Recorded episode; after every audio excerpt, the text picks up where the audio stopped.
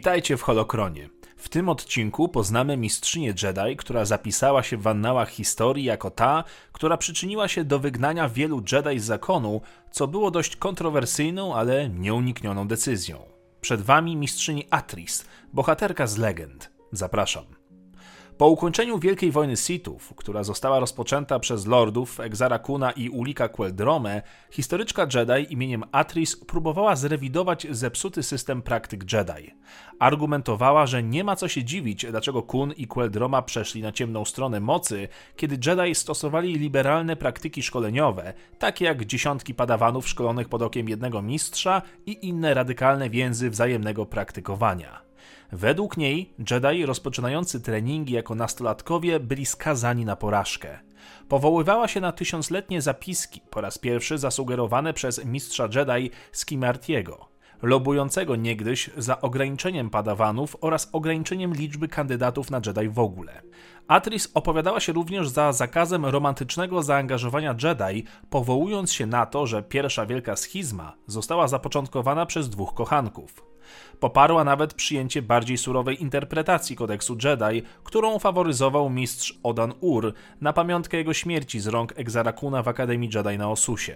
Jej argumenty znalazły ogromne poparcie wśród Jedi i została powołana do Najwyższej Rady. Kiedy w roku 3964 wybuchły wojny mandaloriańskie, Republika Galaktyczna przybyła do Jedi po pomoc. Jednak Atris sprzeciwiała się wezwaniu do ochrony mieszkańców terytoriów zewnętrznych rubieży, zamiast tego stanowczo broniąc decyzji Rady o medytacji i refleksji przed podjęciem działań. Wielu Jedi nie rozumiało, jak Rada mogła siedzieć bezczynnie, gdy niewinni ludzie ginęli. To doprowadziło do tego, że dwójka Jedi, Revan i Malak, postanowili wziąć sprawy w swoje ręce i ruszyli na wojnę, zbierając mnóstwo zwolenników. Wielu podążało za nimi, w tym Mitra Surik, którą Atris darzyła ogromnym podziwem, postrzegając ją jako bohaterkę i bliską przyjaciółkę. Kiedy ona i Revan opuścili zakon, aby dołączyć do wojny, odrzucając wszystko, w co wierzyła Atris, ta poczuła się dotkliwie zdradzona. Atris potępiła Revana, jego zwolenników i wolnomyślicielskie nauki jego byłej mistrzyni Krei. Ostateczny zwrot Revana na ciemną stronę nie był dla Atris zaskoczeniem. Po zakończeniu wojny tylko jeden z Jedi, którzy podążali za Revanem na wojnę, powrócił, by stawić czoła Radzie. Wspomniana Surik. Była na tyle pewna siebie i przeprowadzonych działań, że nawet Atris zaczynała wątpić w swoje twarde i niezachwiane dotąd zdanie. Zaraz potem jednak okazało się, że Surik również już była na ścieżce mroku. Dla Atris było lepiej, aby jej dawna przyjaciółka była już martwa, niż żyła wedle filozofii Revana. Mimo to Atris zatrzymała miecz świetlny Surik po jej procesie, zawsze nosząc go przy sobie. Nawet wiele lat później upierała się, że Rada miała rację, zachowując ostrożność, ale w głębi duszy nadal kwestionowała działania Rady, Surik i samej siebie. Kilka lat później spotkała zresztą Rewana, który szukał Mitry. On również był pogrążony w smutku i czuł odpowiedzialność za los dawnej przyjaciółki. Po śmierci Darth Malaka z rąk odkupionego Rewana, infrastruktura zakonu Jedi została zdziesiątkowana. Co gorsza, coś systematycznie polowało i zabijało pozostałych Jedi. Atris zorganizowała tajne zgromadzenie Jedi na Katarze, kolonialnym mieście Miraluki, gdzie można było ocenić zagrożenie i omówić przyszłość zakonu. Atris ujawniła wiedzę o spotkaniu w nadziei na zastawienie pułapki na to, co im zagraża. Przeliczyła się jednak i to srogo. Na miejsce przybyli Sithowie w postaci Darth Nihilusa, który okazał się zbyt potężny dla Jedi. Poprzez moc pochłonął całe życie na planecie, w tym większość Jedi. Atris, która nie uczestniczyła w konklawę, przeżyła wraz z garstką innych mistrzów, którzy się ukrywali.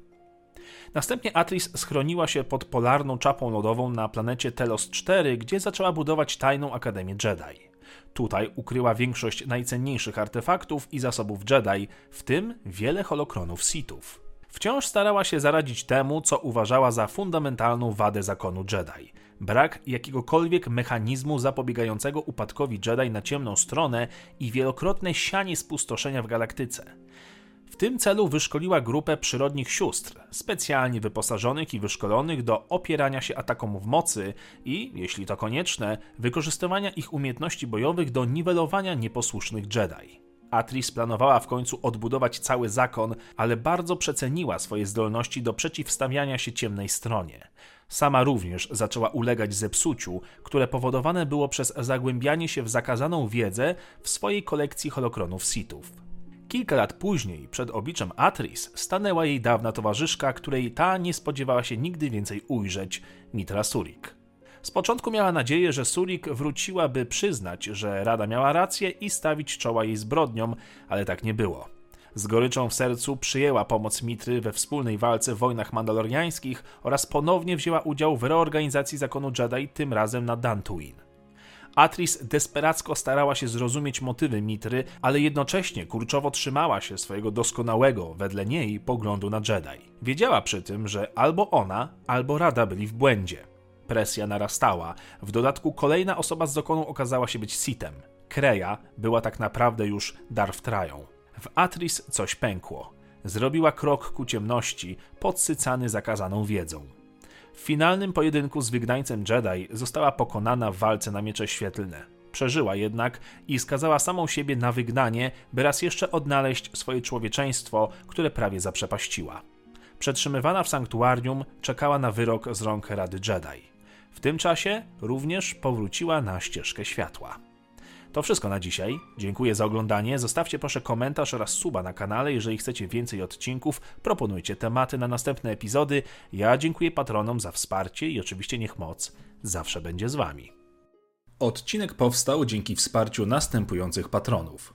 Dziękuję wam i niech moc zawsze będzie z wami.